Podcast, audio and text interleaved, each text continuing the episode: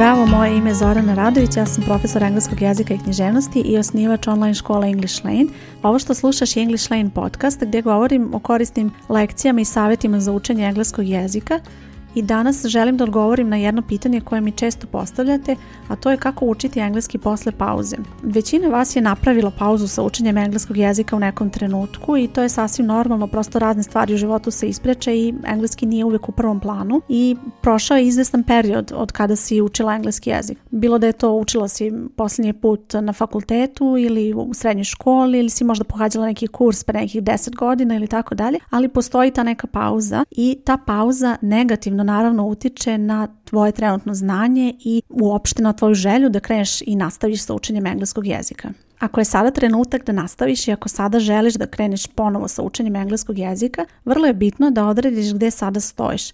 Dakle, koja je tvoja trenutna situacija, bez obzira što si možda pre nekog izvesnog vremena polagala neki test, dobila eh, da je rezultat recimo B1 nivo, velike su šanse da ti sada nisi na tom nivou baš zato što je prošlo to izvesno vreme i ako ne koristiš engleski jezik normalno je da zaboraviš neke stvari i pre svega nemaš više toliko samopouzdanja u konverzaciji i to je nešto što je sigurno uticalo na to da tvoj nivo tog poznavanja engleskog jezika bude ispod onoga što je bio tada u tom trenutku. I to je sasvim normalno. Moraš da budeš spremna na to i da očekuješ. Ne možeš da očekuješ da nastaviš tamo gde si stala ako je recimo između prošlo možda 10 godina. Dakle, moraš da kreneš nekoliko lekcija, nivoa, kurseva nazad, da se vratiš i da onda kreneš ponovo sa učenjem. Da bi to uradila, morat ćeš da uradiš neki test za proveru trenutnog znanja, s tim da imaju u vidu da ovi testovi nisu uvek u potpunosti pouzdani. Moj savjet je da, recimo, ako si učila u nekoj školi ili sa nekim profesorom i želiš da ponovo učiš sa, u toj školi ili sa tim profesorom, da se sa njima konsultuješ, da ti oni pomognu da odrediš tvoj trenutni nivo znanja.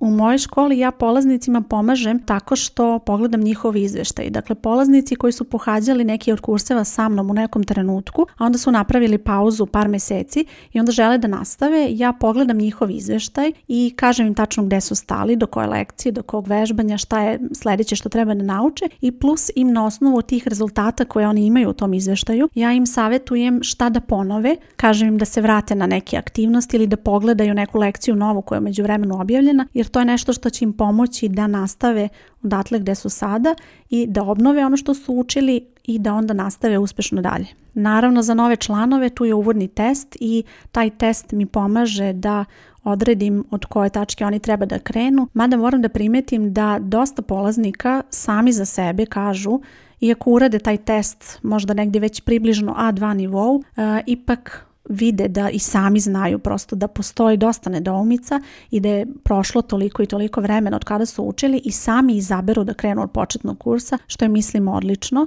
jer na taj način ne samo što će obnoviti ono što su učili, nego će zaista naučiti organizovano i sa potpuno drugačijim fokusom. Fokus mojih kurceva je da se praktično primeni sve što učiš, dakle ne učiš zbog testa, zbog ocene, zbog nekog sertifikata, već učiš da primeniš ono što naučiš kroz te lekcije.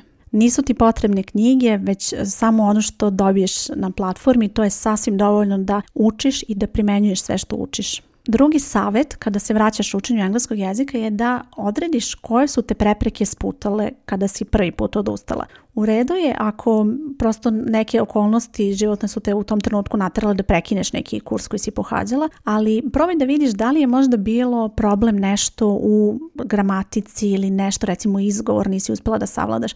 Zašto su te stvari bitne? Zato što će te te stvari opet sputati. Znači moraš da obratiš pažnju na njih i moraš da kažeš sebi da si odustala zato što recimo nisi uspela da shvatiš razliku između određenog i neodređenog člana. To je neki eto banalan primer, ali dešava se da ljudi odustanu zbog tako nekih stvari koje ne mogu da shvate i onda dođu do zaključka da oni nisu za jezik, da nemaju talenta i tako dalje. Vrlo je bitno da odrediš takve prepreke i da onda se fokusiraš, ok, to mi je bilo problem, sada to moram da rešim, treba mi pomoć i naći ćeš pomoć da to rešiš.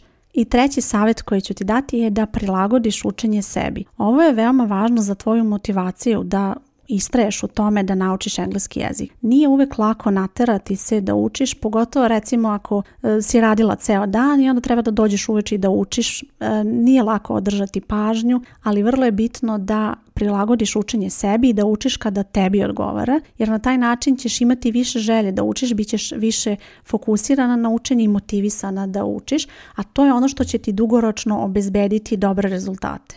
Još jedan razlog zašto je važno da učenje prilagodiš sebi je zato što će to biti proces. Dakle, nemoj da očekuješ da ćeš naučiti engleski za mesec dana, da recimo sad si možda slobodna, imaš odmor dve nedelje, tri i sad ćeš da sediš po ceo dan da učiš engleski i da ćeš videti neke rezultate, jer nećeš. Vidjet ćeš možda privremeno neke rezultate, ali dugoročno ne.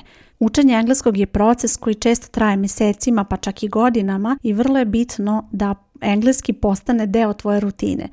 Bilo da ti odlučiš da učiš recimo svaki dan po pola sata ili da imaš recimo termin dva puta nedeljno kada ćeš učiti po sat, sat i po.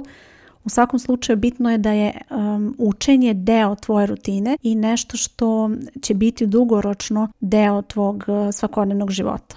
To je isto recimo kao kada odlučiš da ideš u teretanu recimo u aprilu zato što znaš da ćeš ići na more u junu.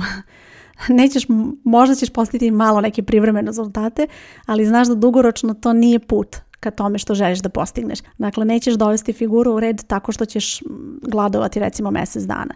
Isto je tako i ovde. Znači, da bi ostvarila rezultate, dobre rezultate, da bi se osjećala sigurno da govoriš engleski, da bi videla da napreduješ i da bi osjetila da engleski postaje deo tvoje rutine, moraš i ti da se posvetiš tome i da učiniš ti napor da engleski postane zaista deo tvog života.